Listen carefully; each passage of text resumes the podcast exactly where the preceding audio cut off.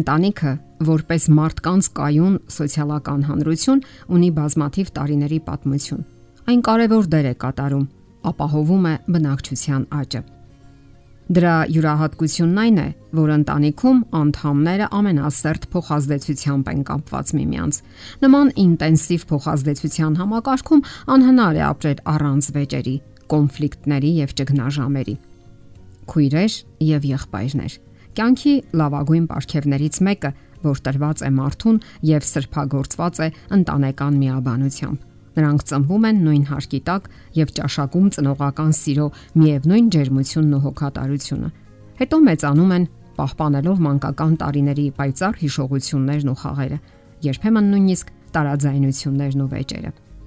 Սակայն տարիների հեռավորությունից այդ բոլորը միաձուլվում եւ դառնում է անջնջելի տպավորություն եւ սիրո ջերմություն։ Ժամանակը սրբագործում է նրանց միջև գոյություն ունեցող հարաբերությունները։ Իսկ մինչ այդ, երբ նրանք դեռևս փոքր են եւ նոր միայն ճանաչում են միմյանց, կարող են ցակել փոքր թյուրամռնողություններ։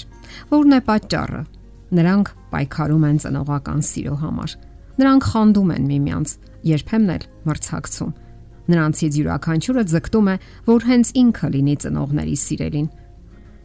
այնքան ժամանակ, մինչև նրանք մեծանում են եւ անհետանում է այդ այսպես կոչված մանկական խանդը։ Խանդի զգացումը գոյություն ունի բոլոր մարդկանց մեջ։ Սակայն եթե մեծահասակները գիտակցաբար կարողանում են խուսափել կամ զսպել այդ զգացումը, ապա երեխաները դեռևս անկարող են։ Փոքրիկ երեխան, ինչպես ոչ ոք, մեծապես կարիք ունի ծնողի սիրուն եւ փաղաքշանքին։ Իսկ երբ ընտանիքում հայտնվում է երկրորդ կամ երրորդ երեխան, ապա ծնողի ուշադրությունը բնականաբար ուղվում է փոքրիկի խնամքին։ Այժմ նա ավելի շատ զբաղված է ընտանիքի նոր անդամի խնդիրներով եւ հոգսերով։ Նրա տեսադաշտից կարծես դուրս է մնում ավելի մեծը։ Ինչ անել, որpիսի մեծ երեխան հոգեկան հարվածներ չստանա, իրեն միայնակ չզգա եւ խանդի նոպաներ չունենա։ Իհարկե անհնար է լիովին խուսափել խանդի երևույթից, սակայն կարելի է նվազագույնի հասցնել նրա դրսևորումները։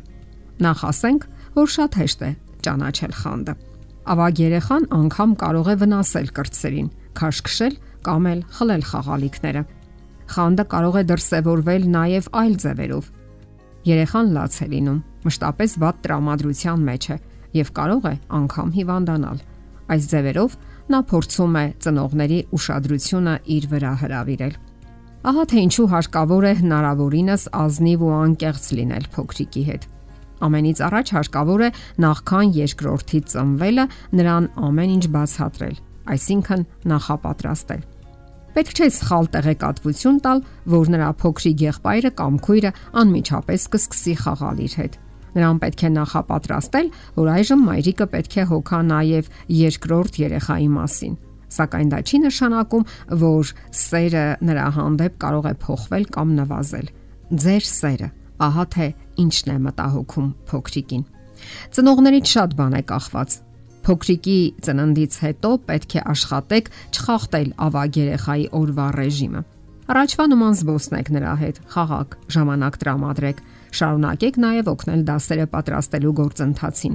Դա նրան վստահություն կներշնչի, որ դուք սիրում եք իրեն եւ ոչինչ չի փոխվել իր կյանքում։ Հարազատներից որևէ մեկին կարող եք խնդրել, որ հետևի նորածնին, ինչև դուք ժամանակ անցկացնեք ավագ երեխայի հետ։ Լավ կլինի, եթե դուք ինչ որ բան անեք, որտեղ կարող են ներգրավվել երկուսն էլ։ Օրինակ կարող եք երկուսին միասին քնեցնել նույն ժամին, հեքիաթ պատմել նրանց, միասին կերակրել, միասին տանել զբոսանքի։ Համատեղ զբոսանքները կօգնեն եւ նրանց մտերմությանը եւ այն բանին, որ երեխան ոչ մի վտանգ չտեսնի նոր մարդու աշխարհ գալու մեջ։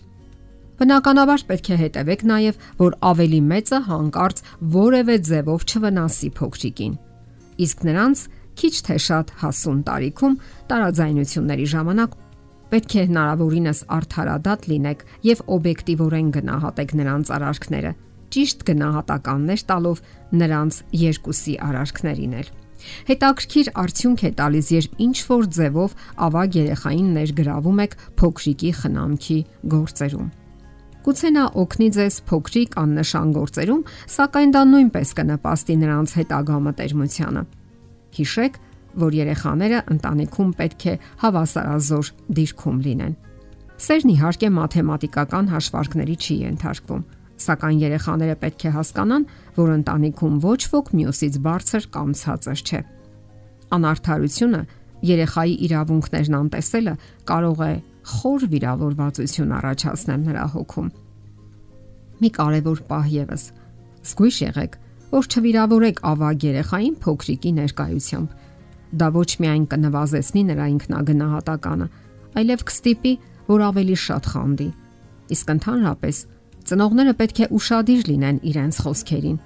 Երեխաները սովորաբար կյանք են տանում այն, ինչ տեսնում եւ լսում են ընտանիքում։ Լավագույն դասը ձեր օրինակն է։ Իսկ ինչ վերաբերում է խաղալիքներին, ապա դրանք պետք է բաժանել հավասարապես։ Յուրաքանչյուր երեխա պետք է ունենա եւ իր անձնական եւ ընդհանուր խաղալիքները կարելի է խրախուսել եւ գովաբանել ավագ երեխային, երբ նա իր խաղալիքները կիսում է կրծերի հետ կամ էլ իր ուզած խաղալիքը խնդրում է փոքրիկից, այլ ոչ թե խլում է։ Գովասանքը կողքեվորի նրան եւ կհաստատի հետագա ճիշտ գործողություններում։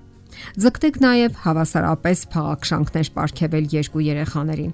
Չէ որ այս աշխարհում միայն դուք կարող եք դա անել։ Երբ երեխան նյարդայնանում կամ բարկանում է, հնարավորություն տվեք նրան, որ դուրս թափի իր ագրեսիան, որpիսի նրա մեջ չարություն չկուտակվի։ Այդ ձևով նա նաև կսովորի վերահսկել իր հույզերը։ Իսկ ընդհանրապես ծնողները պետք է անեն առավելագույնը, որpիսի երեխան արագ եւ առանց ցավի անցնի սուր խանդի այդ բնականon փուլը։ Իսկ դա հնարավոր է, եթե դուք անհրաժեշտ հմտություն ունենաք ու նաև չզլանաք սովորել ու թարմացնել ձեր գիտելիքները, որոնց յուրաքանչյուր ծնող պարտավոր է տիրապետել։ Եթերում ընտանիք հաղորդաշարներ։ Ձեզ հետ է Գեղեցիկ Մարտիրոսյանը։ Հարցերի եւ առաջարկությունների դեպքում զանգահարեք 094 08 2093 հեռախոսահամարով։ Հետևեք մեզ hopmedia.am հասցեով։